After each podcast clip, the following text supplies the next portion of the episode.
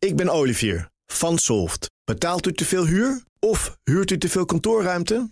Solft heeft de oplossing. Van werkplekadvies, huuronderhandeling tot de verbouwing. Wij ontzorgen u. Kijk voor al onze diensten op soft.nl. Heb jij de BNR-app al?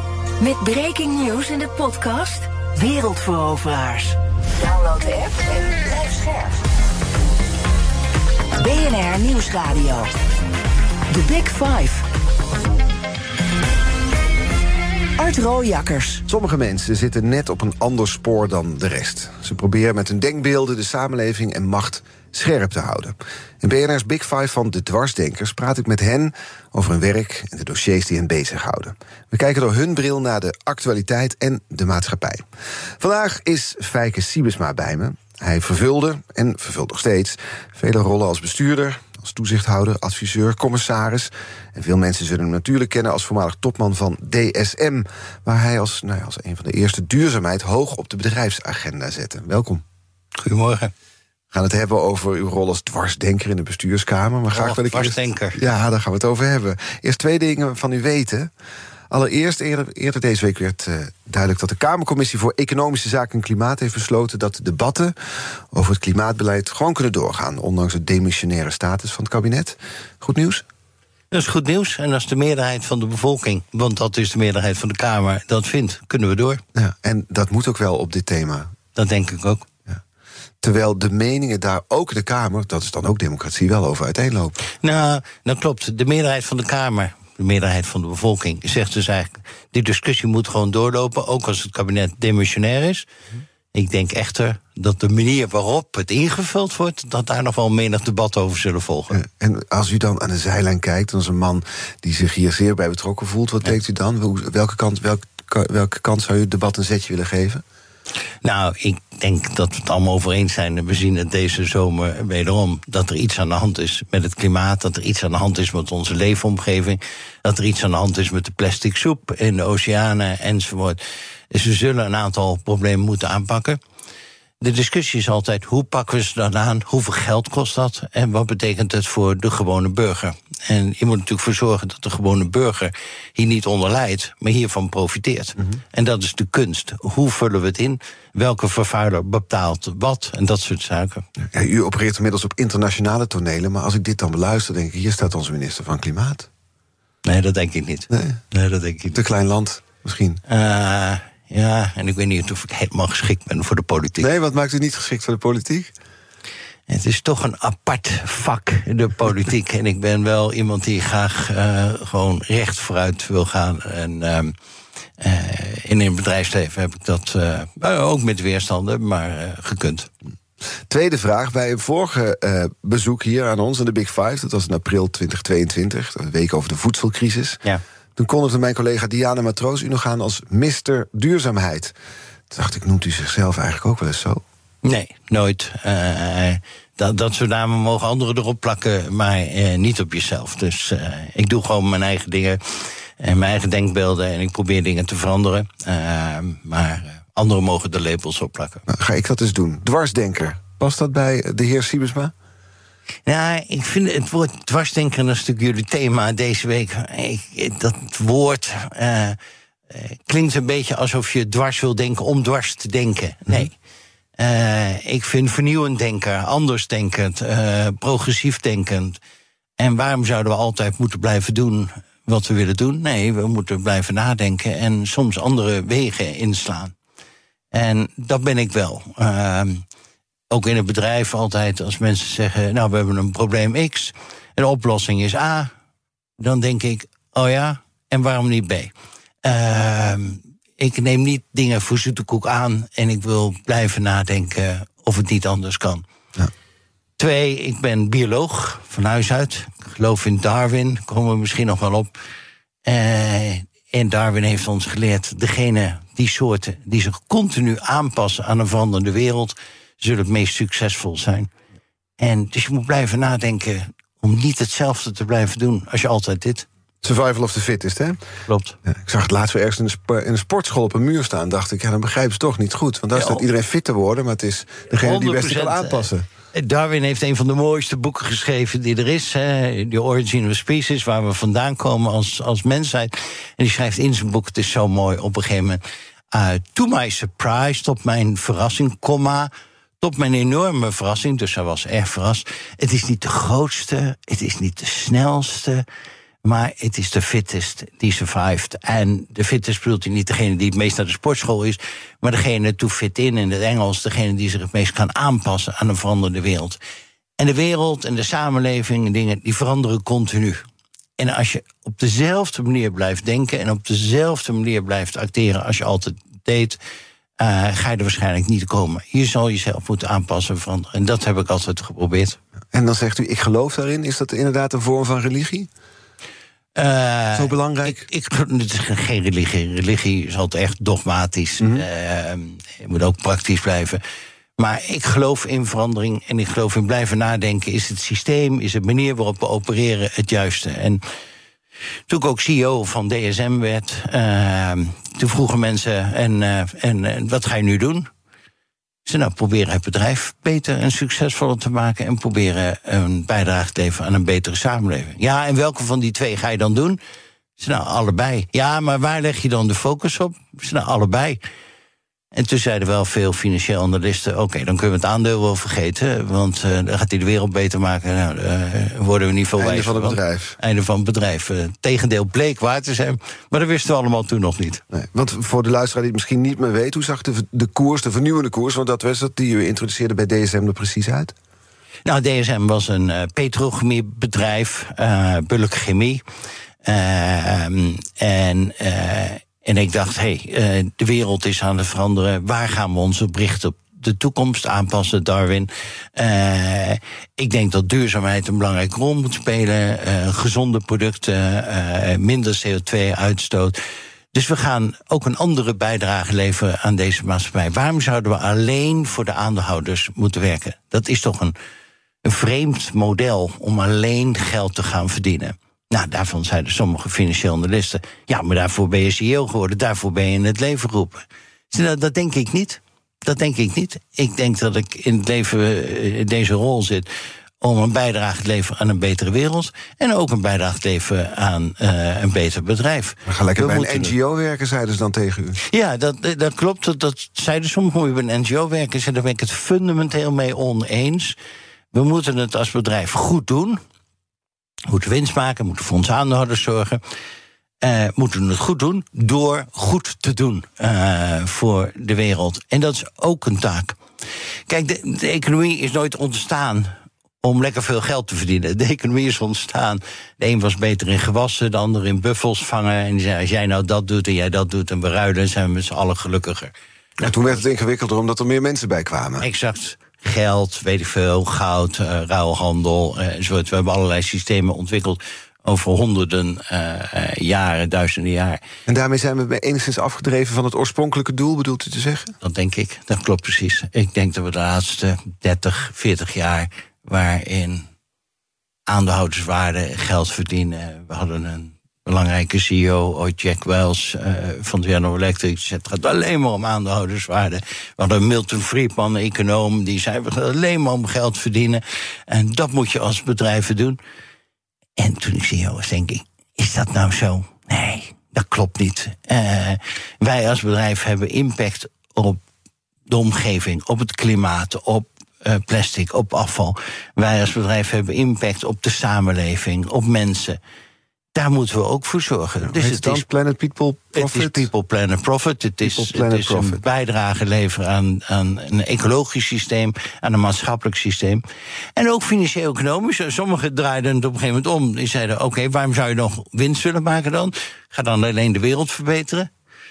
Ik zei: Nee, we moeten ook winst maken. Degenen die onze aandelen hebben, zijn veelal pensioenfondsen. Die innen geld en beleggen dat gedurende 30 jaar en willen daarna een waardevast pensioen uh, uitkeren. En er is inflatie in de wereld. Dus uh, wij moeten wel een rendement maken, anders kan iemand zijn pensioen uh, niet uitkeren. Dus het is heel goed dat je ook geld verdient. Het is heel goed dat je als bedrijf rendement maakt voor je aandeelhouders. Maar niet alleen. En als je impact hebt op de wereld, ecologisch, maatschappelijk, dan zou je ook je verantwoordelijkheid uh, op dat terrein moeten nemen. Je hebt de Polonaise ingezet toen u met dit verhaal binnenkwam bij DSM? Nou, in het begin vonden mensen het moeilijk. De koers was laag en die zagen dit nou niet bepaald als... De manier om de koers te verbeteren. Uh, het instrument om, uh, om de waarde van het bedrijf te verbeteren. En ik zei, u wel, want we gaan hier ook ons businessmodel van maken.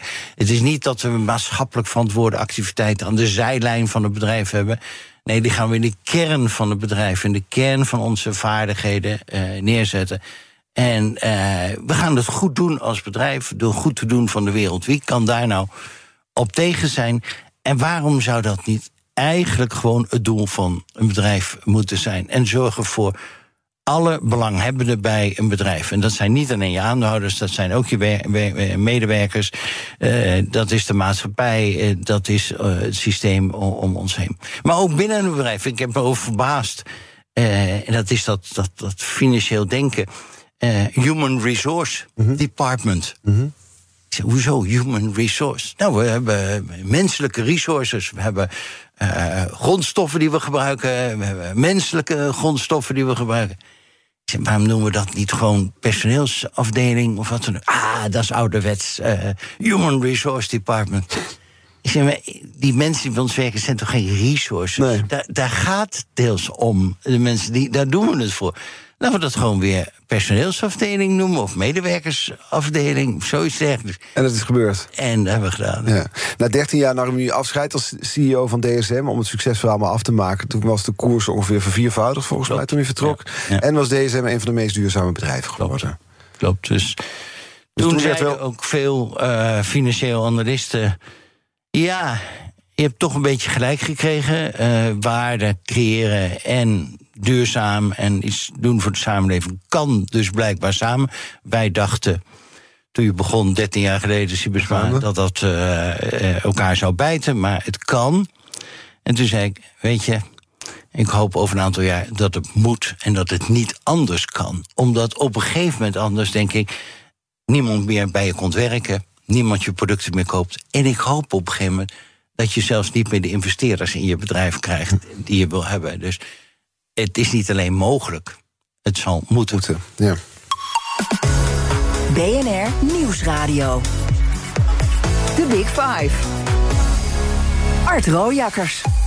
Met vandaag de gast voormalig DSM-topman Fijke Siebesma. We hadden het al over de rol die bedrijven zouden moeten vervullen in de samenleving. Gloedvol betoog hebben we net naar geluisterd. Um, en u zegt eigenlijk, de rol van bedrijven is niet alleen om geld te verdienen.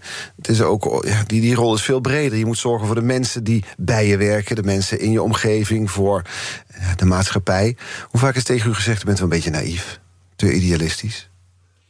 Ja, in het uh, beginjaren wel. Uh, uh, we hebben ook ehm, activisten gekregen, die aandeelhouders, activisten die in het aandeel stapten en zeiden: Wat is dit voor flauwkul? Dit moet allemaal anders. Dus in die beginjaren voelde ik ook wel heel veel druk. En de koers ging nog niet direct 1 tot 3 omhoog. En ik zei: Weet je, het bedrijf zal steeds succesvoller worden. terwijl we een bijdrage leveren aan de wereld. Ja. Dat is een mooi verhaal, maar als je het nog niet laat zien, eh, dan hebben mensen vraagtekens. En dat gaf ook wel druk. En Mhm. natuurlijk, eh, er waren ook wel eens momenten dat ik dacht. eh, dat, dat ik ook wat onzeker daarin zat. En denk van ja, eh, ik hoop ook dat het lukt.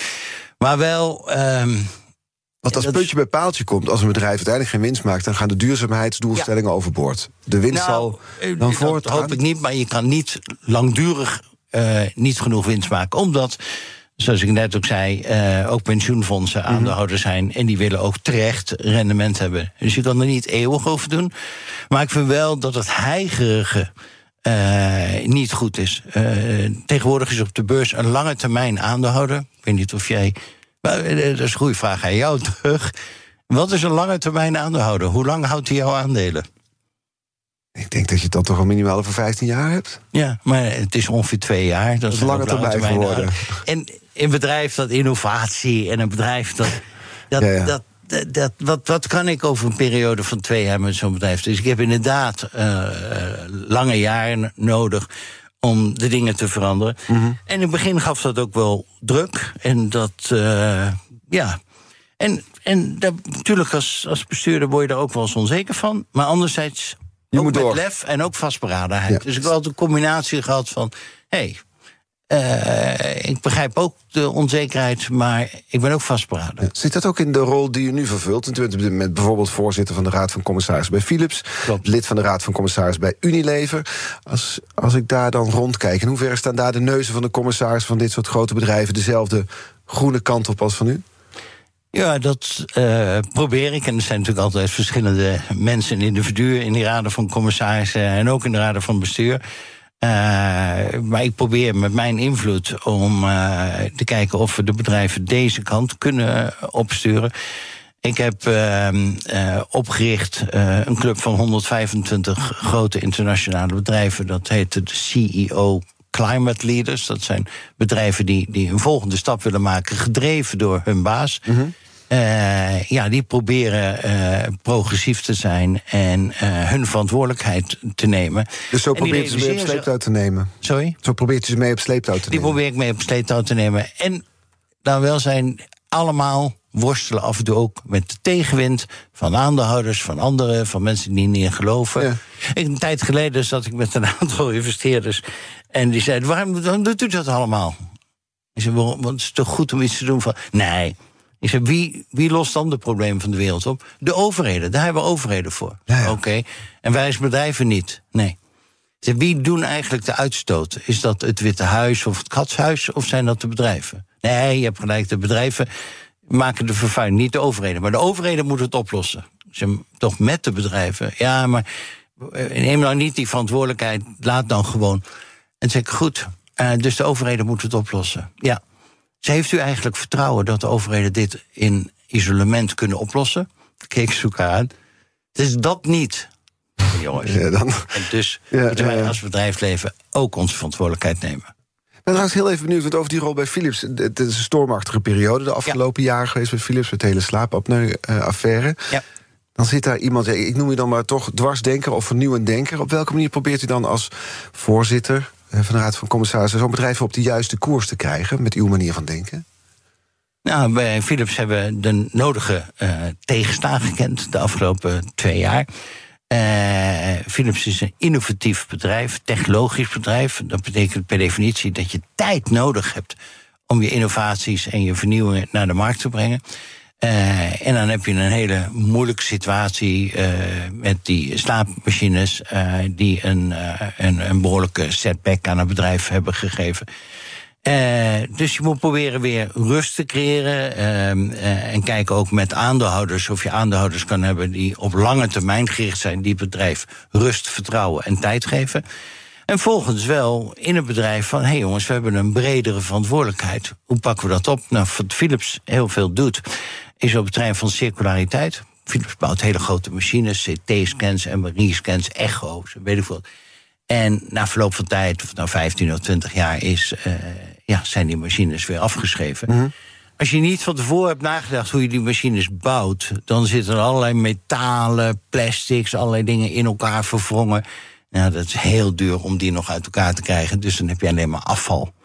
Als je van tevoren heel goed nadenkt hoe je dat wil ontwikkelen en hoe je dat ontwerpt, dan kan je die verschillende componenten daar weer makkelijk uithalen Ja. en weer hergebruiken. En Nou, daar is doet Philips zo goed in. Exact. Ja, maar u zegt, eh, u probeert rust te creëren... maar tegelijkertijd was er echt veel kritiek op de laatste aandeelhoudersvergadering. Bijvoorbeeld rondom het salaris en de bonus van ex-topman Frans van Houten. Dat soort kritiek zorgt niet voor rust. Dan probeer ik in de- het hoofd van de vernieuwend denker te kruipen. Hoe, hoe, hoe gaat u daar dan mee om? Ja, dat was een, eh, een, een lastige situatie. Eh, je probeert uit te leggen wat de eh, situatie is. Je probeert de aandeelhouders de vragen te beantwoorden. En vervolgens wel weer door te gaan met het bedrijf. We kunnen we allemaal boos zijn of we kunnen allemaal allerlei gevoelens hebben. Maar een bedrijf moet door. Bij Philips werken bijna 80.000 mensen. Die hebben een baan, die willen ook door. Dus dan probeer je om te zeggen: hey, Philips heeft een aantal issues, die moeten wel opgelost worden. En het bestuur, de nieuwe CEO, moet die met zijn team wel oplossen. Dat doet hij ook. Daar heb ik heel veel vertrouwen in. Dat doet hij ook goed. Eh, de vorige CEO heeft het bedrijf overigens eh, enorm veranderd. Hè, tot het. eh, healthcare en medisch en gezondheidsbedrijf, wat, Mhm. wat het nu is. En we moeten ehm, eh, wel met voortvarendheid, maar ook met rust en zonder paniek, gewoon doorgaan en de dingen neerzetten. Maar u heeft gelijk, je hebt daar niet eindeloos de tijd voor, want een aantal ouders, aandeelhouders zullen zeggen: oké, nou, we nemen dat dan wel even, maar we nemen dat niet voor heel erg lang. En dat is de kunst van een bedrijf te leiden om en te zorgen dat het bedrijf het goed doet, en te zorgen dat je ook goed blijft doen voor de wereld. En daar zit natuurlijk af en toe eh, spanning tussen. En, eh, en dan zeg ik maar tegen het bestuur, en daar word je voor betaald. Ja, en dik ook, hè? Want wat was het? 450.000 aan bonussen op zo'n salaris van 1,75 miljoen. Andere bestuurders zagen af van die bonussen vanwege de ongunstige positie financieel van het bedrijf. En dan zie ik daar u dus opereren van laat, ja, daar laveert u tussendoor. Dat, dat zijn dan. Nou, zijn het dat is niet alleen laveren, het is ook besluiten. Eh, uiteindelijk, eh, de voormalige CEO zat op het eind van zijn termijn. Ja. We hebben een nieuwe CEO eh, eh, benoemd. Eh, we hebben meer veranderingen in de organisatie nu doorgebracht. We hebben een extra programma gezet op het hele kwaliteitsdenken. Want eh, bij Philips zijn een aantal kwaliteitsproblemen. En dat kan niet Mhm. in deze sector. Ehm, dus dat soort zaken hebben we nu, eh, zijn we aan het oppakken. Dus niet alleen laveren, iedereen- besluiten Dat nemen. En, eh, en voortgaan. Ja, en, en als we dan terugkomen op Darwin, Ja. zijn die denkbeelden dan in dat soort, laten we het toch, zullen we het een crisis noemen? In ieder geval, het zijn turbulente tijden, laten we het zo noemen. Komen die denkbeelden dan terug in uw besluitproces? Ja, ik denk wel eh, heel veel na. Hoe doen wij dingen? Eh, en dat hoor je natuurlijk in elk groot bedrijf, ook af en toe bij Philips. Ja, zo doen wij dat hier. En dan denk ik direct, oh ja, en moeten we het wel zo blijven doen dan? Eh, ja, we doen dat al heel lang zo. Dat is voor mij geen reden om het te blijven doen. Daar- kunnen hele goede dingen in zitten. Maar er kunnen ook dingen in zitten die we eh, moeten veranderen. En zo probeer ik wel eh, te denken. En met het bestuur eh, ook te praten. Ja. Gisteren was er een hele andere gast hier, Soendos El Amadi, ze is comedian. Er zat een kettingvraag voor u, een hele korte, komt-ie. Eigenlijk heel simpel. Wat doe jij voor vrouwenrechten? Punt. Als man zijnde. En heeft hij dat ook gedaan als topman? Ja, een hele goede vraag. Eh, heel veel. Ehm, eh, heb ik in DSM gedaan. Uiteindelijk, eh, de- de- de- toen ik CEO werd, was altijd als we een top 300 meeting hadden. Top 400 meeting was de tekst van mijn voorganger. Dat was de situatie we hadden. Dame en heren. Één dame of zo van de top 3, 400. Ja, eh, dat, dat, dat kan niet. Eh, in mijn tijd ook van het naar de Raad van Bestuur 50% vrouwen. Raad van Commissarissen 50% vrouwen. In de top van de organisatie 25, 30% vrouwen. In de hele organisatie eh, ook zo'n 50% vrouwen. En ik heb altijd gezegd: kijk, ik wil niet wonen, werken, opgroeien. Ik wil niet dat mijn kinderen opgroeien in een wereld gedomineerd door mannen. Dat is gewoon geen gezonde wereld. Dat is geen fijne wereld. Twee, het is een beetje dom om de helft van het talent in de wereld, vrouwen, te veronachtzamen. Dat is gewoon niet slim. Dat moet je gewoon niet doen. En drie, ik heb gezien wat de toegevoegde waarde is van andersdenkenden eh, in je organisatie. eh, zoals vrouwen soms anders opereren en anders denken. En ik ben de eerste die ook af en toe herkent dat als je met alleen maar een paar mannen bij elkaar zit. van dezelfde universiteit, van dezelfde politieke kleur. van dezelfde kranten lezen. is wat ik noem het feest van de herkenning en de bevestiging. Ja, ik vind dit, nou, dat vind ik ook, vind ik ook. Dan bevestig je elkaar. Geweldig. Smaakt heel lekker. Het brengt je nergens, Maar het is wel smaakt gezellig. heel lekker. Ja, ja. En af en toe moet je van het feest van de bevestiging eh, en, en de herkenning naar het feest van de verrassing. Ja, en het feest van de ontdekking. Die in, in jouw club zit eh, en die anders denkt en zegt: Ja, maar ik vind dat gek. Ja. Aan duurzame praatjes eh, eh, gaan we het nog hebben, want die hoor je genoeg vanuit bedrijven. Hè? Maar hoe ga je die nou om kunnen zetten in groene operaties? Dat bespreek ik zo met Fijke Siebesma en BNR's Big Five van de Dwarsdenkers. Ik ben Sylvia van Solft. Betaalt u te veel huur of huurt u te veel kantoorruimte? Solft heeft de oplossing. Van werkplekadvies, huuronderhandeling tot een verbouwing, wij ontzorgen u. Kijk voor al onze diensten op soft.nl. BNR Nieuwsradio. The Big Five. Art Rooijakkers. Welkom bij het tweede halfuur van BNR's Big Five van de Dwarsdenkers. Eerder deze week sprak ik onder andere met klimaatgeneraal Tom Middendorp... over de manier waarop klimaatverandering onze veiligheid binnen en buiten de landsgrenzen bedreigt. Dus terug te luisteren via de BNR-app. Vandaag de gast voormalig DSM-topman Fijke Siebesma... Komend half uur wil ik graag nog twee onderwerpen bespreken. Namelijk wat er nou nodig is om de duurzame transitie in het bedrijfsleven te versnellen. En ja, toch ook de helaas nog veel voorkomende groene praatjes Ja. van veel bedrijven. Zullen we met het laatste beginnen? Mag. Ja? Bij deze ja, is de duurzame transitie dan gelukt. Eh, hoe doen andere bedrijven het in uw ogen als u er kijkt? Maakt een beetje vaart, die duurzame tra- transitie? Eh, ik zie een glimlach als ik zeg ja, vaart. ja en nee. Eh, het gaat naar mijn smaak hier en daar te traag. Het gaat in Europa iets sneller dan Amerika. Het denken is ook anders. Kijk, in Europa en zelfs in Nederland hebben we op een gegeven moment zelfs in de wet en in de code voor bedrijfsleven verankerd dat je eh, een juridische verantwoordelijkheid hebt voor alle betrokkenen van je bedrijf. Dus de maatschappij, het ecologisch systeem, eh, je medewerkers en iedereen, niet alleen je aanhouders. In Amerika is dat juridisch niet. Juridisch sta je als, als bestuur, moet je met name voor je aandeelhouders opkomen. Nou, vindt iedereen wel, je kan een bredere eh, kijk daarop hebben. Maar het is toch een, een ander denken. En niet alle bedrijven eh, zijn even ver. Eh, Ja, want ik zat vanochtend weer te lezen in de, in de Volkskrant. En, en toen moest ik dus ook aan u denken over bedrijf Gemoer. Er was gisteren een hoorzitting over daar in, in Dordrecht... over die, de, de lozingen, de, de PFAS die dan wordt aangetroffen. En als ik dan het verweer van het bedrijf voor... van ja, wettelijk kon het allemaal wel. Het voelt als het, alsof het een reactie is uit vervlogen tijden toen ik dat las. Volgt u dat Nou, ik nieuws kan niet bijvoorbeeld? specifiek over Gemoer iets zeggen, maar ik ben het wel eens met argumenten voor verloren tijden. Eh, wij hadden op een gegeven moment ook af en toe discussies over: moet je in China bij een fabriek die we hebben een afvalwaterzuivering neerzetten? En ik zei dan, ja, licht, want dat doen we hier in Nederland en Europa ook overal. Nee, nee, nee, je begrijpt het niet, Sibesma. Dat hoeft niet in deze plaats in China. De andere concurrenten aan diezelfde rivier doen dat ook niet. Ik zei, ja, maar het is niet gezond. Ja, maar, ja, dat zal best wel, maar juridisch hoeft het niet. Ik zei, maar we doen het hier ook. Ja, ik zei, dan doen we het daar ook. Ja, maar dan zijn we minder concurrerend. Ik zei, dan verzinnen we maar andere trucken eh, om weer meer concurrerend te zijn. Maar we gaan het daar niet anders runnen dan we het hier doen. En ons dan verschuilen achter, ja, de wetgeving in China is anders. Als het ongezond is voor de bevolking of de mensen. En daar moet je wel op vasthouden. Als je dan zegt, nee, maar de wetgeving is anders, dan mag het anders. dat, dat is een gek argument. Eh, Er zijn natuurlijk gewoon bedrijven hè, die simpelweg eh, die, die niet heel groen kunnen opereren. Ook bijvoorbeeld de fossiele industrie. Ja. Dat is wel lastig daar om zo'n radicale transitie te maken zoals u bij DSM heeft proberen te doen. Ja, dat weet ik niet. Wij hebben ook een radicale transitie. Dus eh, ook olie- en gasbedrijven en andere bedrijven kunnen natuurlijk een transitie doen.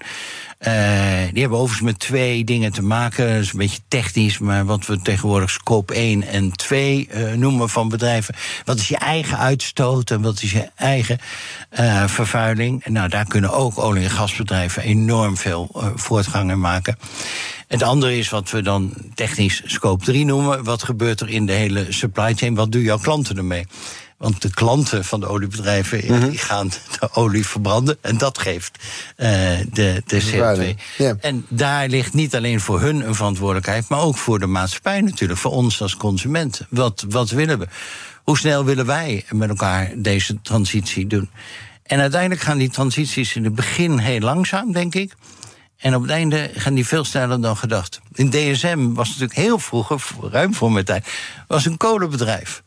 En toen er een discussie kwam, moesten wij niet naar de chemie. Eh, toen zeiden de kolenjongens, nee, want kolen gaat nooit veranderen. Het blijft altijd kolen.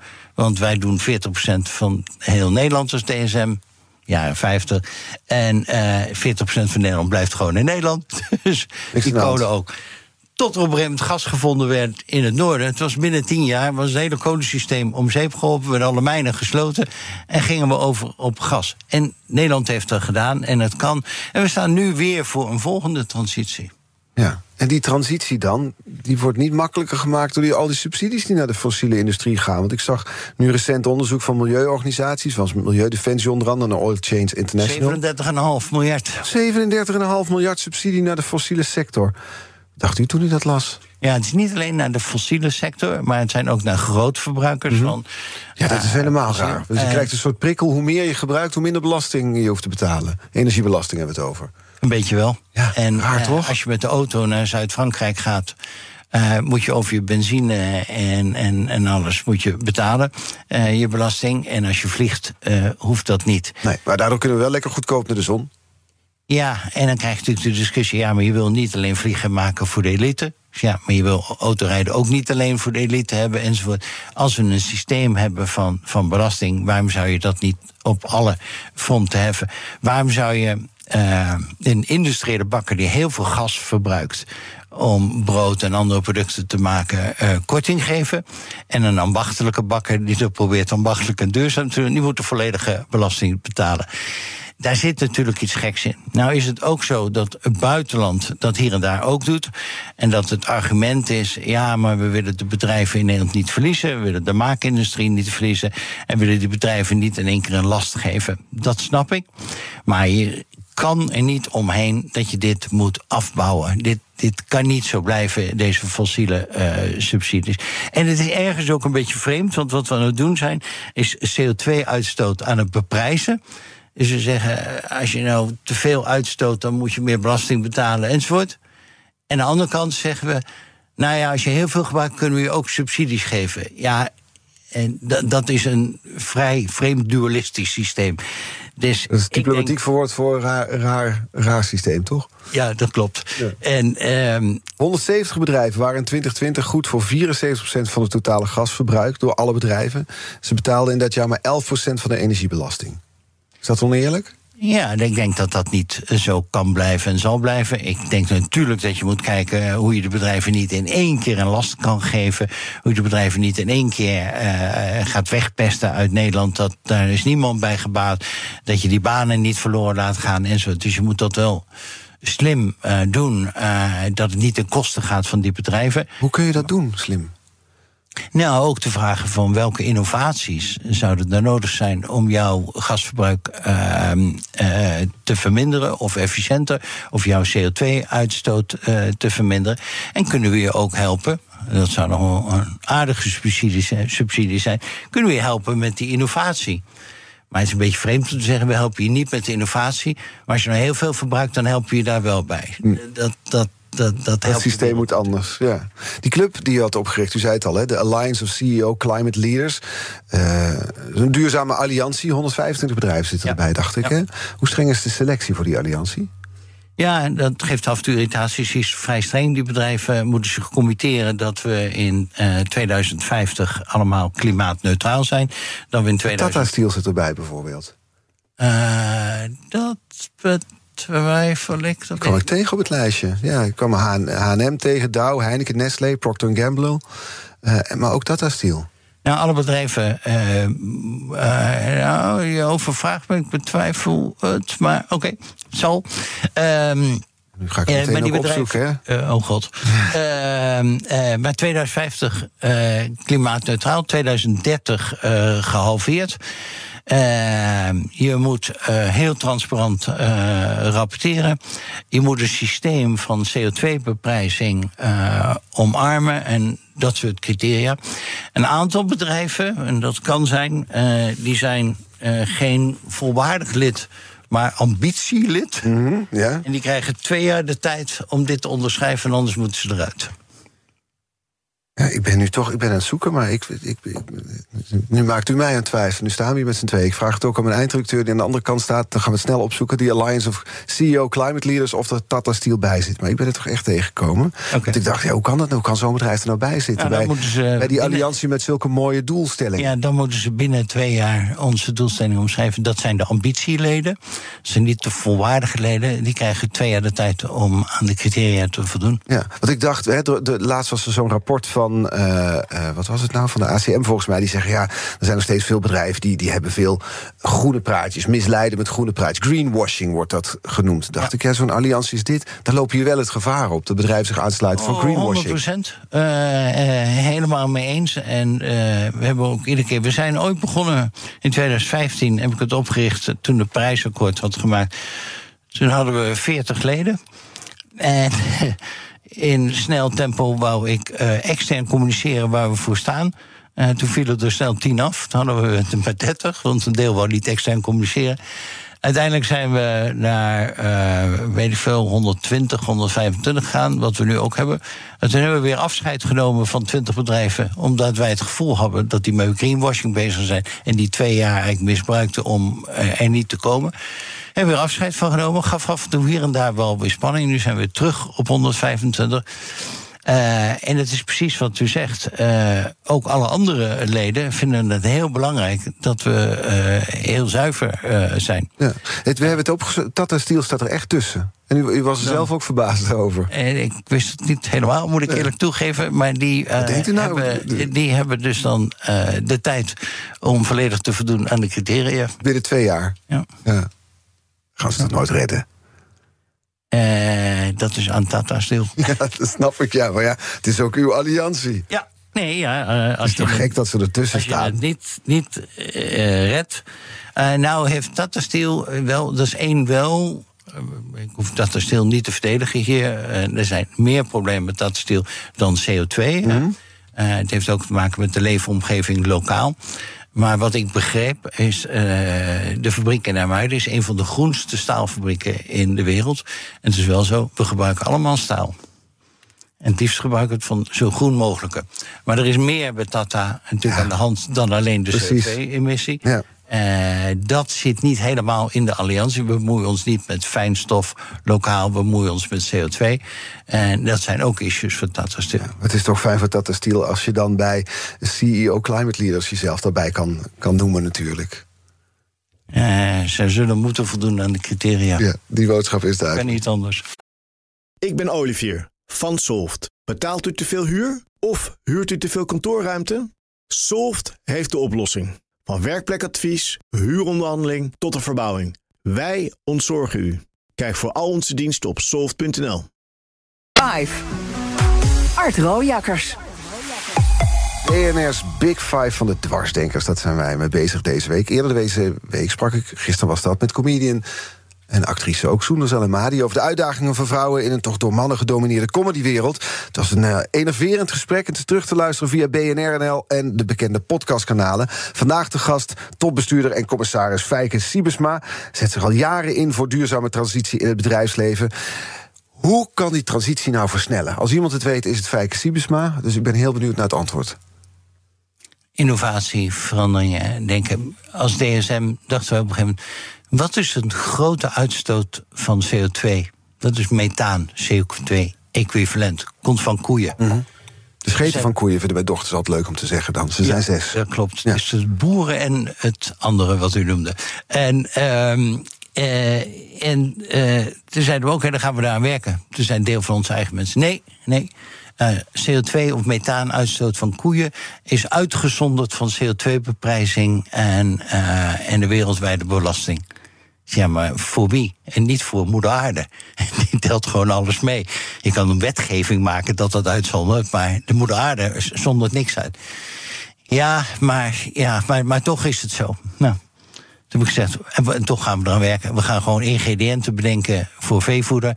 die uh, de uitstoot enorm reduceren. Hebben we toen gedaan. Uh, na een aantal jaren research hadden we een ingrediënt gevonden... Uh, waren we heel trots op. Meer dan 30, 50 procent reductie. Toen gingen we naar die boeren. En die zeiden: Oh, oh wij zijn uitgezonden. Moeten we voor dat ingrediënt betalen? Ja. ja. Ja, dat is een heel mooi ingrediënt. Dat gaan we niet doen. Maar daar gaan we niet voor betalen, want wij uh, hoeven geen CO2-prijs te betalen. We zijn uitgezonden. Ja, dat is niet goed. Nou, oké, okay. bezig. Heel mooi product, geen markt. Toen gingen we naar de veevoederbedrijven. Die zeiden: Oh, heel mooi, dat gaan we opnemen. Uh, wij gaan even marktonderzoek doen eerst. Ik zei, jullie marktonderzoekers, je gaat naar de boeren dan, of ze daar willen voor betalen? Ja. Dat willen ze nou, niet, zei je. Ik weet al waar jullie marktonderzoek gaat eindigen.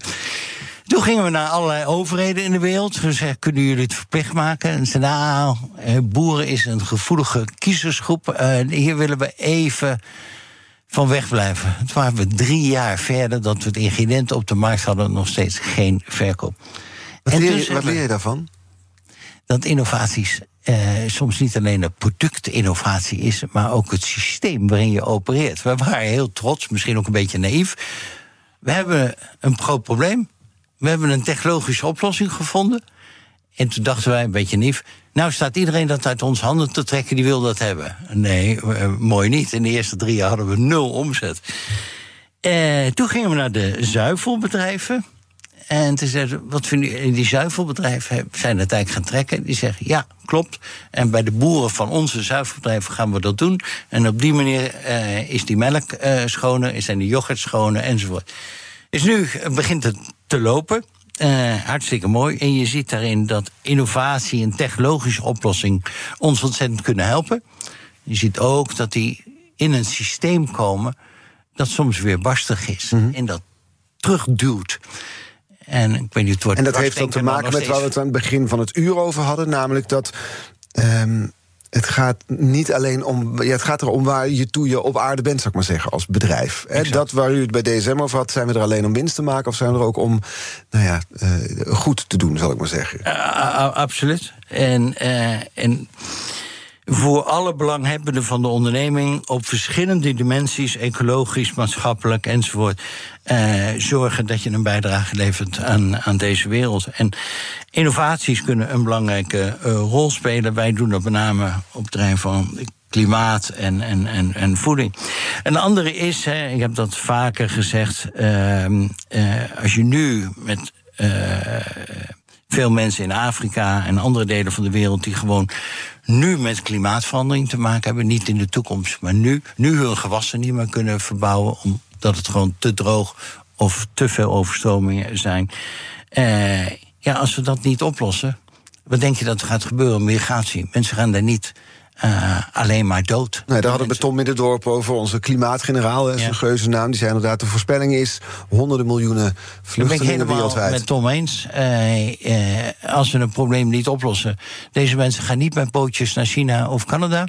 Deze mensen komen naar Europa. En ik denk zeker in Europa hebben alle redenen om aan Afrika te helpen. Hoe moeilijk het ook is, want sommige landen zijn corrupt en sommige landen. Nou, we zien nu wat voor staatsschepen er zijn landen. Dus natuurlijk is het een moeilijk systeem.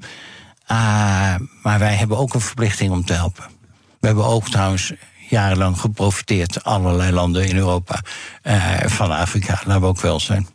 De, de milde eh, vrolijkheid speelt veel over uw gezicht in een gesprek als dit. U bent een man met een eh, lichte glimlach op het gezicht, met lachrimpels bij de ogen. Hoe doet u dat eigenlijk? Want de, de problemen waar u zich mee bezighoudt... en de, de onderwerpen die u beschrijft... zijn niet altijd heel positief. Nee, en ik kan soms ook wel eens geïrriteerd zijn en wat, wat boziger. Maar het heeft weinig zin, denk ik, om alleen maar bozigheid. of alleen met allemaal apocalyptische, dramatische verhalen. van de ondergang van de wereld dingen te doen. Eh, als je mensen probeert mee te krijgen. Kijk, als je alleen maar het negatieve doet, dan duw je mensen een richting in. En mijn stijl is niet om mensen alleen maar een richting in te duwen. Dat doe ik soms ook wel eens een beetje. Maar met name om mensen mee te krijgen. En ik denk dat mensen eh, liever meegaan met een glimlach. Met een mooi beeld dat ze kunnen bereiken. Dan alleen kommer en kwel. Dus dat is een beetje, dat is ook mijn persoonlijkheidsstijl. Ik kan het ook niet helemaal veranderen. Nee. Ik ben ook wie ik ben, maar daar geloof ik in. Ja, en over, als we dan kijken, want op een gegeven moment ga je ook als mens kijken naar het einde van je werkzaam leven, naar het einde van je carrière. Nee. Nee? Ik wilde zeggen, wanneer ben, u tevreden? Wat wil u nog bereiken? Oh, ik wil nog heel veel bereiken op het terrein van klimaat, op het terrein van voeding, op het terrein van honger. Eh, mijn vrouw vraagt ook wel eens: eh, eh, hoe lang blijf je nog dit tempo volhouden? Nou, ik weet het niet. Ik eh, beloof je in ieder geval, de dag dat ik 85 word, ga ik nadenken over vermindering. Maar eerder niet. Oké, dan hebben we nog even te gaan. En in de tussentijd heeft u dan de mogelijkheid om andere topbestuurders in binnen- en buitenland te spreken. Doet u vaak, doet Ja. u veel. Vast is niet iedereen zo'n innovatief denker of dwarsdenker zoals u. Hoe kun je die andere CEO's nou aansporen om zo'n zo'n pad, zo'n groener pad te bewandelen? Eh, soms, eh, u zei net, er is ook greenwashing. Ik praat ook wel eens met CEO's die proberen mee te krijgen. En, eh, en die willen dan niet. En dan lees ik even stiekem het jaarverslag, want dat doen veel bedrijven wel. En dan ga ik weg en dan zeg ik... trouwens, hartstikke veel complimenten op alles wat je doet op duurzaamheid. Sorry, ik wou niet met je meegaan. Ze zei, nee, maar ik heb het voorwoord gelezen... wat jij in jouw jaarverslag hebt geschreven. Dat is zo goed. Daar vind ik echt, word helemaal warm van. En dan zeggen mensen, "So- sorry. Ik zei, nee, je zou zelfs eens moeten lezen wat je geschreven hebt. Dat is echt interessant. En dus ik probeer ze de spiegel voor te houden, probeer ze mee te krijgen. Naast greenwashing is er op het ogenblik soms ook greenhushing, wat ze dat noemen. Dat is eigenlijk zwijgen over wat je doet. Hè. Mensen maken het soms mooier dan het is. Maar er is ook hier en daar dat iets doen op het terrein van klimaat is dan woke, of is soft, of is. Dus dan hou je vooral je mond over. En je hebt nu ook een aantal bedrijven dat zeggen: Weet je wat, we doen wel dingen. Maar laten we daar niet al te veel over zeggen. Want eh, dan krijgen we ook allemaal kritiek dat we woke en dat soort dingen zijn. Dus we leven wel in een complexe wereld. waar daarnaast greenwashing nu ook green zwijgen. Greenhushing, die term ga ik onthouden. Dat is mooi, want het zijn, het zijn ingewikkelde tijden. En daarom ben ik blij met mijn gast vanmorgen. Hij is een comedian, maar ook filosoof. Tim Fransen heet hij. Ja. Nu mag hem een kettingvraag stellen. Ja, aan Tim Fransen. eh, de vraag, hij, hij heeft zijn programma gaat over de mens en ik. En hij beschrijft dat hij de mens eigenlijk een heel eigenaardig diersoort vindt. Nou, ik ben bioloog eh, en eh, dat sprak mij aan wat hij zegt. En eh, ik geloof in de evolutie en ik geloof in aanpassen, Darwin. En hij zegt, ja, de mens vindt hele mooie dingen uit en hele lelijke dingen. Het is een eigenaardig diersoort. En mijn vraag Frans is, geloof jij in de evolutie? Geloof jij in de wijsheid van de mens? En de mens tot nu toe heeft geprobeerd de omgeving aan te passen aan zichzelf. Maar gelooft hij ook dat de mens zichzelf gaat aanpassen aan de omgeving in zijn gedrag of andere? Dat is ook een stukje evolutie. Ik ben heel benieuwd wat hij daarover gaat zeggen. We gaan het er morgen vragen. Tim Fransen is comedian en filosoof. Met hem sluiten de week van de dwarsdenkers af. Vandaag was de gast Fijke Siebesma, oud-topbestuurder. Commissaris is hij vurig blijven zorgen van duurzaamheid in het bedrijfsleven. Onze afleveringen zijn terug te luisteren als podcast... via onze eigen app of je favoriete podcastkanaal. Ik ben Olivier van Solft. Betaalt u te veel huur of huurt u te veel kantoorruimte? Solft heeft de oplossing. Van werkplekadvies, huuronderhandeling tot de verbouwing. Wij ontzorgen u. Kijk voor al onze diensten op soft.nl.